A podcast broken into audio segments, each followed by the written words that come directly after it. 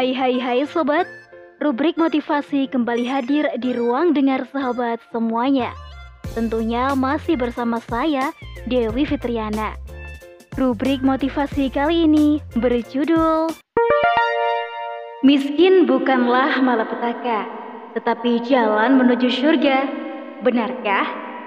Oleh Desi Wulansari, MSI.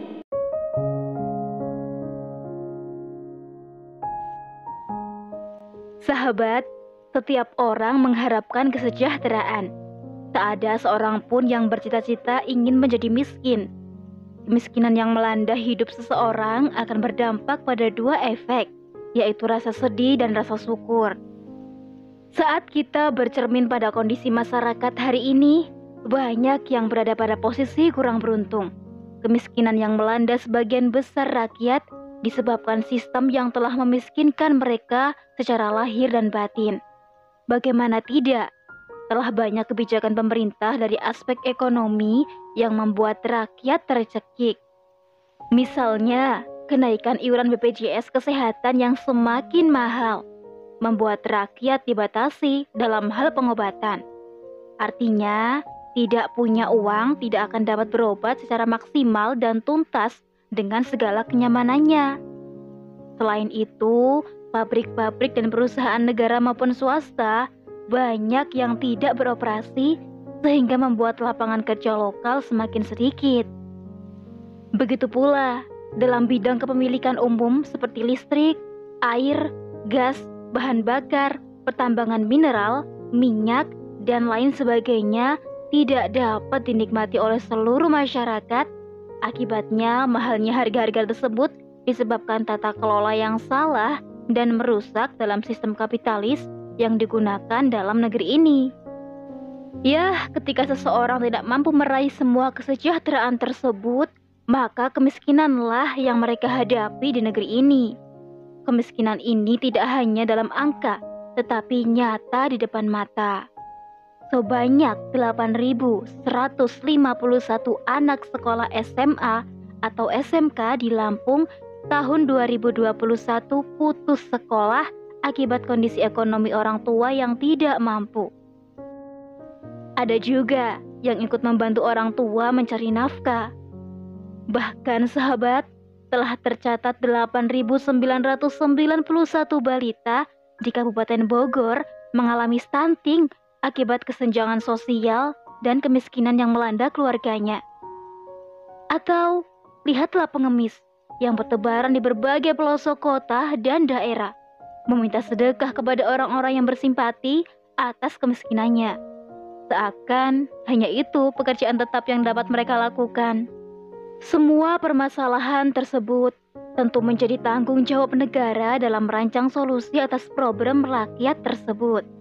Namun saat ini, kita sebagai umat muslim maupun rakyat jelata tidak mampu berbuat apa-apa ketika berhadapan dengan kebijakan negara.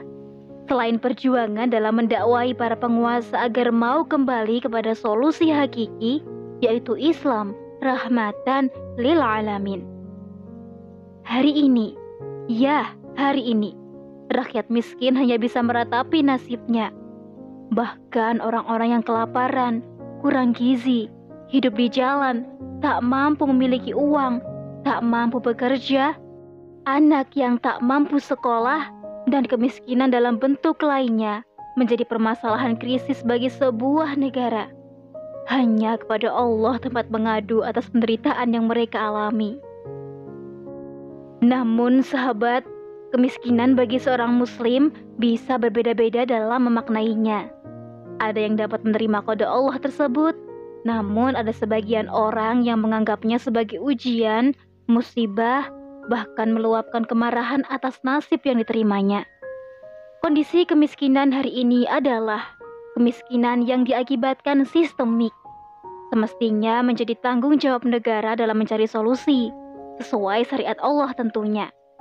Namun, di sisi lain, dalam pandangan agama, Kiranya menjadi seorang miskin juga merupakan satu kebahagiaan. Mengapa? Ternyata Allah telah memberikan kabar gembira kepada umatnya yang berada dalam kemiskinan ataupun kefakiran, Sesungguhnya Allah Subhanahu wa taala telah mematahkan kesedihan orang miskin di surga dan mewarnaimu dengan kebahagiaan warna kenikmatan yang tidak pernah terlintas dalam hati manusia. Bahkan di atas semua itu, sesungguhnya orang-orang fakir dari kalangan orang-orang mukmin bakal memasuki surga 500 tahun sebelum orang-orang mukmin yang kaya. Nabi Shallallahu alaihi wasallam bersabda, Orang-orang fakir kaum muslimin memasuki surga setengah hari sebelum orang-orang kaya mereka, yaitu 500 tahun. Hadis riwayat Ibnu Majah. Pun dengan hadis riwayat Ahmad, Muslim, dan Ibnu Hibban, Nabi Shallallahu Alaihi Wasallam bersabda, sesungguhnya orang-orang fakir dari kalangan muhajirin mendahului orang-orang kaya menuju surga selama 40 tahun. Sahabat, Tentunya masuk surga bagi orang-orang miskin ini telah memenuhi syarat yang Allah tetapkan, yaitu miskin tetapi tidak mengeluh, miskin tetapi tidak berputus asa, miskin tetapi tetap teguh pada ketetapan Allah, miskin tetapi tetap menjadi mukmin sejati di mata Allah. Sehingga dengan begitu, amalan-amalan seorang miskin jauh lebih berharga bagi Allah dibanding amalan orang-orang mukmin yang kaya. Masya Allah. Inilah sahabat beberapa kalimat para salaful sahih dalam mengingatkan kebesaran Allah kepada hambanya yang mengalami kefakiran. Di antaranya, Wahai orang fakir dan miskin, jangan bersedih. Sesungguhnya dunia adalah penjara bagi orang mukmin dan surga bagi orang kafir. Jangan bersedih, wahai orang fakir dan miskin Seandainya dunia itu di sisi Allah setara dengan sehelai sayap nyamuk, tentu Allah tidak akan memberikan minum orang kafir meski hanya seteguk air. Jangan bersedih wahai orang fakir dan miskin. Sesungguhnya dunia adalah jembatan dan tempat lewat, bukan tempat tinggal dan bermukim. Jangan bersedih wahai orang fakir dan miskin, karena dunia adalah bayangan hampa dan ketiadaan. Jangan bersedih, wahai orang fakir dan miskin. Sesungguhnya dunia adalah perhiasan yang menipu, bukan tempat kemuliaan dan kebahagiaan. Karena semua kebahagiaan berada pada negeri kebahagiaan di sisi penguasa yang mulia, maha pengasih, dan pengampun. Sahabat, maka janganlah bersedih hati karena Allah senantiasa menjaga umatnya tanpa terkecuali. Tanpa memandang strata sosialnya, tetapi cukup melihat pada ketakwaan hambanya kepada Allah, Sang Maha Pencipta seluruh alam. Dan bagi seorang pemimpin negara yang menjalankan amanah rakyatnya, semestinya menyadari bahwa tanggung jawabnya di hadapan Allah terhadap rakyat yang dipimpinnya masih kelaparan akibat kemiskinan maka akan dibalas oleh Allah setimpal azabnya atas lalainya tanggung jawab seorang pemimpin yang jauh dari kata amanah dan mensejahterakan. Layaknya para pemimpin kapitalis saat ini. Wallahu a'lam bisawab.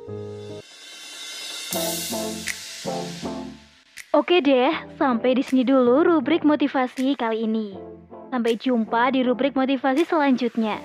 Tentunya di podcast Narasi Pos, cerdas dalam literasi media, bijak menangkal peristiwa kunci. Bye-bye.